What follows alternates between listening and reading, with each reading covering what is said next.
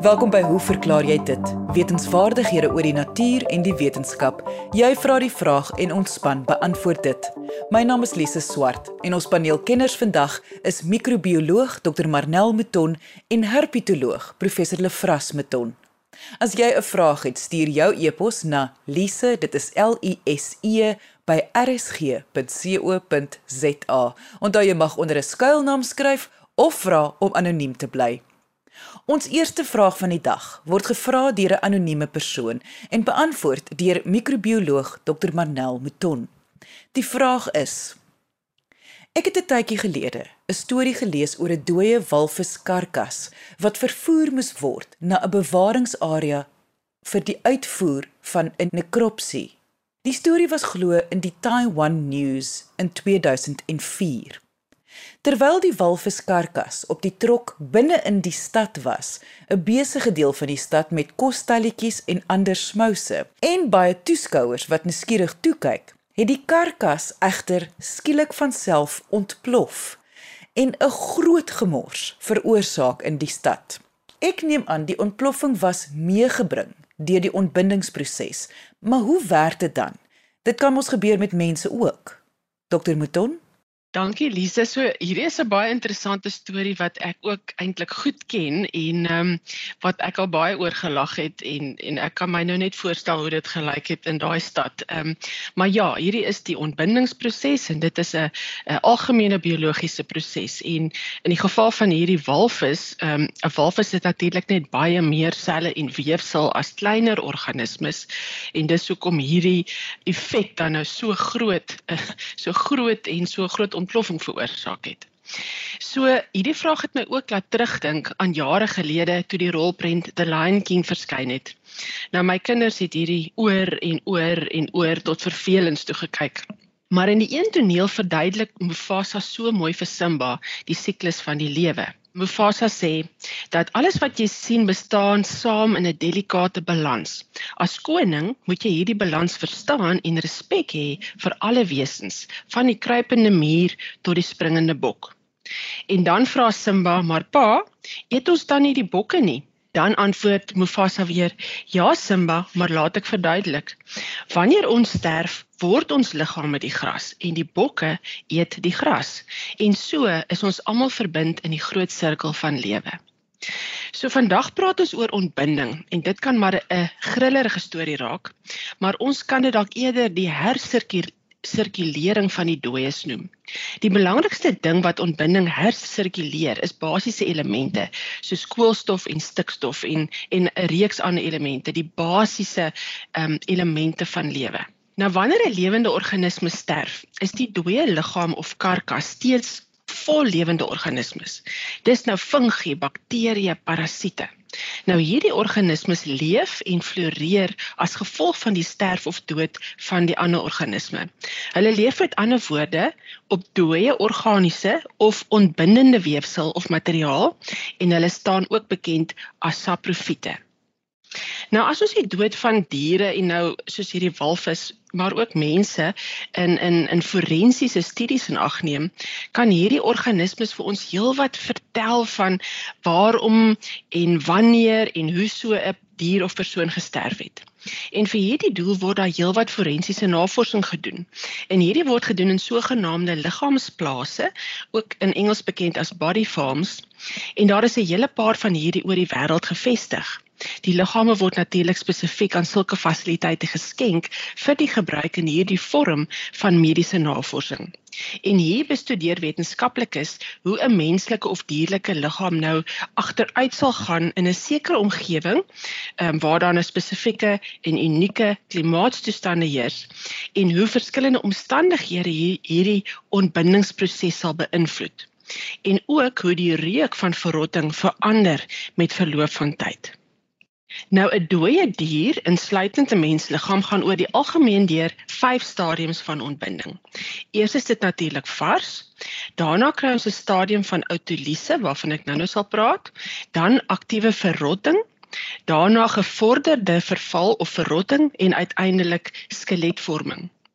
Alhoewel hierdie stadiums in tydsduur kan wissel, dis nou natuurlik afhangend van die omgewingstoestande. Dit sal uit die aard van die saak verskil van 'n sneeuomgewing na 'n warm omgewing. Ehm um, maar elke fase lok spesifieke soorte organismes, mikroorganismes en ook ander soos insekte byvoorbeeld.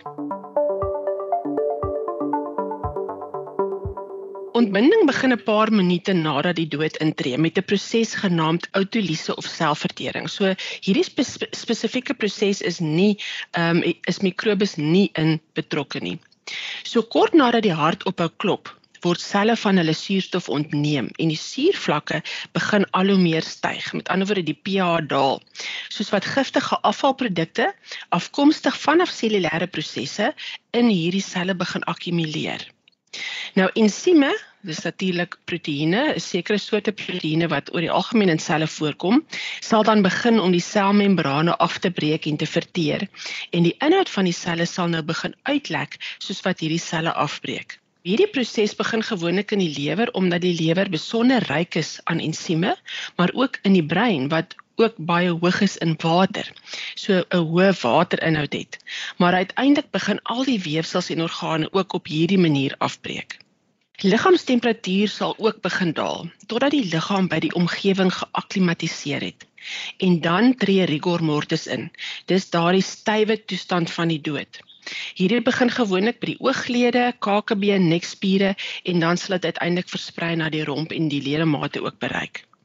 Nou in lewende diere trek spierselle saam en ontspan as gevolg van die werking van twee filamentagtige proteïene genaamd aktien en miosien. Nou hierdie twee trek en gly teen mekaar om beweging mee te bring in hierdie diere of mense. Na die dood word hierdie spierselle egter van hulle energiebron ontneem en hierdie proteïenfilamente word dan nou vasgevang in 'n sekere posisie omdat hulle nie meer kan beweeg nie. En dit veroorsaak dan dat die spiere styf word en sodoende die gewrigte in posisie sluit. Nou kom ons by die deel waar mikrobes by betrokke is. Nou tydens die vroeë stadiums van ontbinding bestaan die dooie liggaam se ekosisteem meestal uit bakterieë en organismes wat normaalweg in en om die liggaam woon. Menslike liggame byvoorbeeld, soos ons weet, huisves groot getalle bakterieë, letterlik op elke liggaamsoppervlakte, maar ook in sekere um, byvoorbeeld in die darmkanaal en en byvoorbeeld in die oorkanaal en so aan. So dit bied habitatte vir gespesialiseerde mikrobiese gemeenskappe. Verreweg die grootste mikrobiese gemeenskap kom voor natuurlik in die darmkanaal. En hierdie is die tuiste van triljoene bakterieë en ook ander organismes wat honderde en dalk selfs duisende verskillende spesies sal verteenwoordig. En die sogenaamde darmmikrobiome is tans 'n baie prominente navorsingsonderwerp in biologie. Sommige navorsers is oortuig daarvan dat darmbakterieë 'n essensiële rol speel in diere en mense se welwees, van jou liggaamlike gesondheid tot jou geestesgesondheid. Maar ons weet steeds relatief min oor die samestelling van hierdie geheimsinnige mikrobiese basies passasiers en die mikrobiome waarin hulle woon. En selfs meer nog, hoe hulle dan jou liggaamsfunksies beïnvloed. En dan weet ons nog minder oor wat met hierdie mikrobiom gebeur nadat 'n persoon of dier sou sterf. Maar daar's heelwat navorsing daaroor aan die gang en heelwat belangrike inligting is al in hierdie verband gepubliseer in die laaste paar jaar. Jy luister na Hoe verklaar jy dit op RSG 100 tot 104 FM. Nou die meeste interne organe bevat nie normaalweg mikrobes in 'n lewende liggaam nie. Maar kort nadat die dood intree, hou die immuunstelsel egter op om te funksioneer. En dit beheer die normale mikrobes tot 'n sekere mate. So wanneer die dood intree, kan hierdie mikrobes nou vinnig en vrylik deur die liggaam versprei. Die proses begin gewoonlik natuurlik in die darmkanaal waar ons die grootste mikrobiom kry. En wanneer dit nie beheer word deur die immuunstelsel nie, begin hierdie darmbakterieë nou die ingewande en die omliggende weefsels indring en afbreek. Met ander woorde, hierdie afbraakproses vind letterlik plaas van binne na buite. En die chemiese vloeistofmengsel wat uit hierdie beskadigde selle lek, dien dan as voedselbron vir hierdie mikrobes. Dus wanneer 'n mens of 'n die dier sterf, versprei die liggaam se inwendige bakterieë op 'n spesifieke manier en patroon deur die liggaam.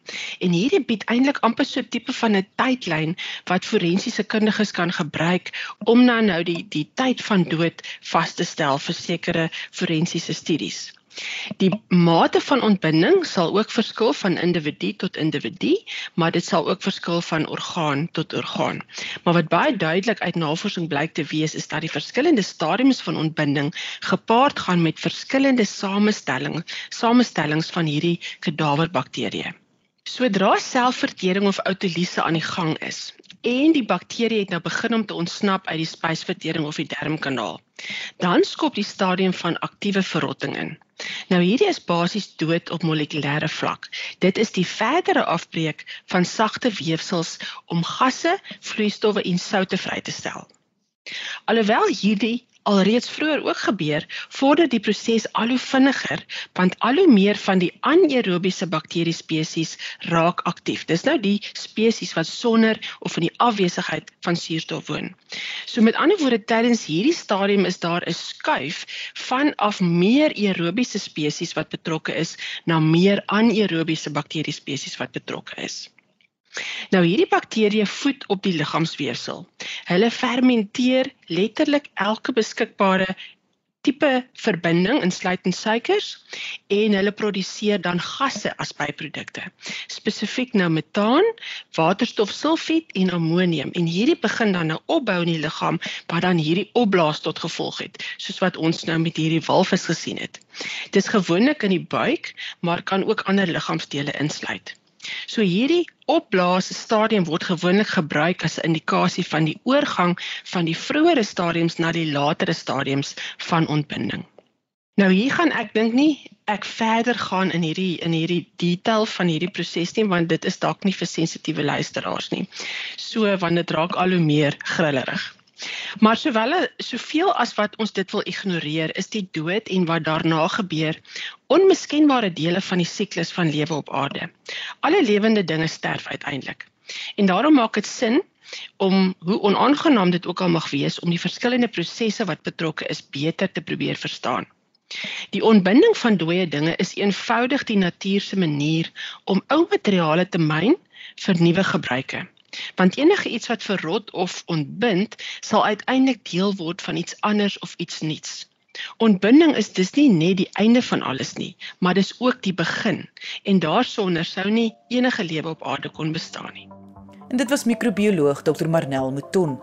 Indien jy 'n vraag het, stuur jou e-pos na lise, dit is L I S E by rsg.co.za of deur RSG se webwerf. Gaan net na www.rsg.co.za. Onthou jy mag onder 'n skuilnaam skryf of vra om anoniem te bly.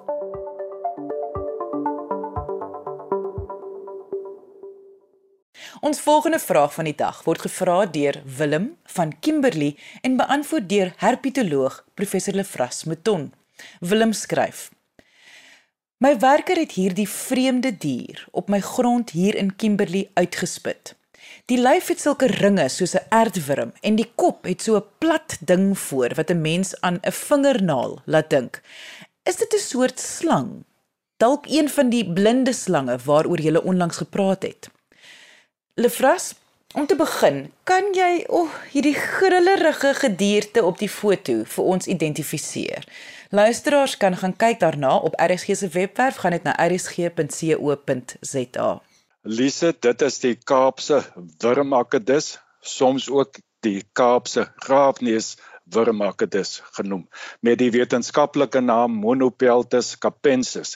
Dit is een van 180 wurmakkedus spesies of Amphisbaeniers, soos hulle ook bekend staan in die familie Amphisbaenidae. Hier in Suid-Afrika kom maar 10 soorte voor.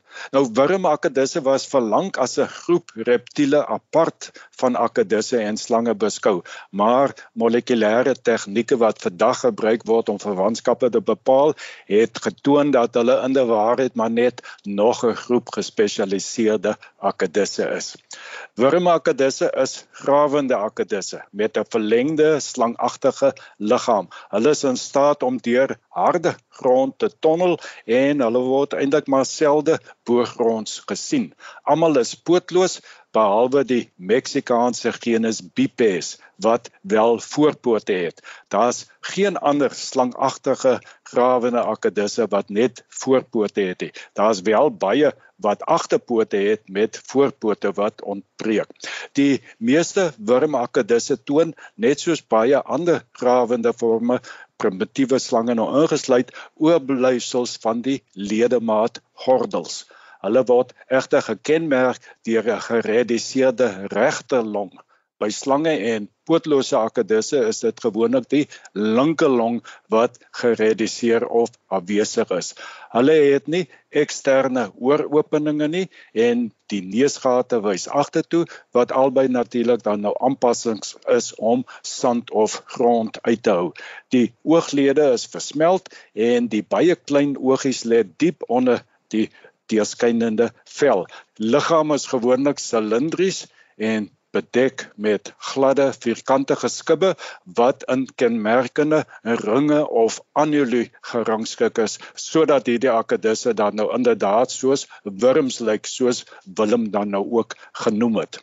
Nou jy het genoem dat hulle tonnels in harde grond kan grawe. Hoe kry hulle dit reg want hulle lyk aan so sag? Ja, sekerlik die interessantste eienskap van hierdie groep akedisse is dat die vel los is van die onderliggende liggaam en net met drie stelle spiere aan elke wervel vas is. Nou hierdie uh, unieke spesialisering laat die kop en die liggaam toe om vorentoe en agtertoe in die vel te beweeg terwyl die vel teen die wand van die tonnel vasdruk dit laat dan toe dat 'n stambeweging met die grawery uitgevoer kan word. Nou so 'n stambeweging sou nie effektief uitgevoer kon word as die liggaam aan die vel vas was hè, want daar sou te veel wrywing tussen die vel en die tonnelwand wees.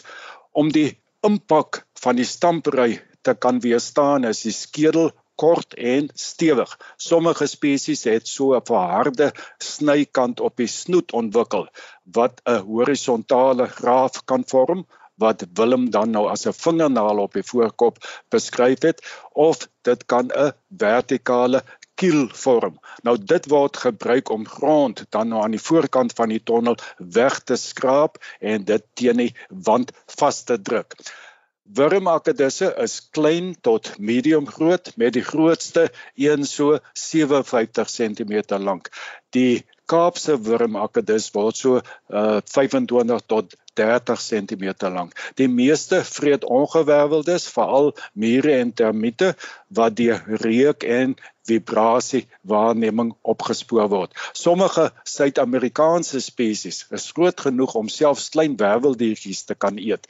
Die meeste wurmakedisse is eierlêend met net 'n paar wat lewendbarend is. Baie van hulle is vleeskleurig of vleiskleurig dan alhoewel by sommiges die rug ietwat donkerder van kleur kan wees.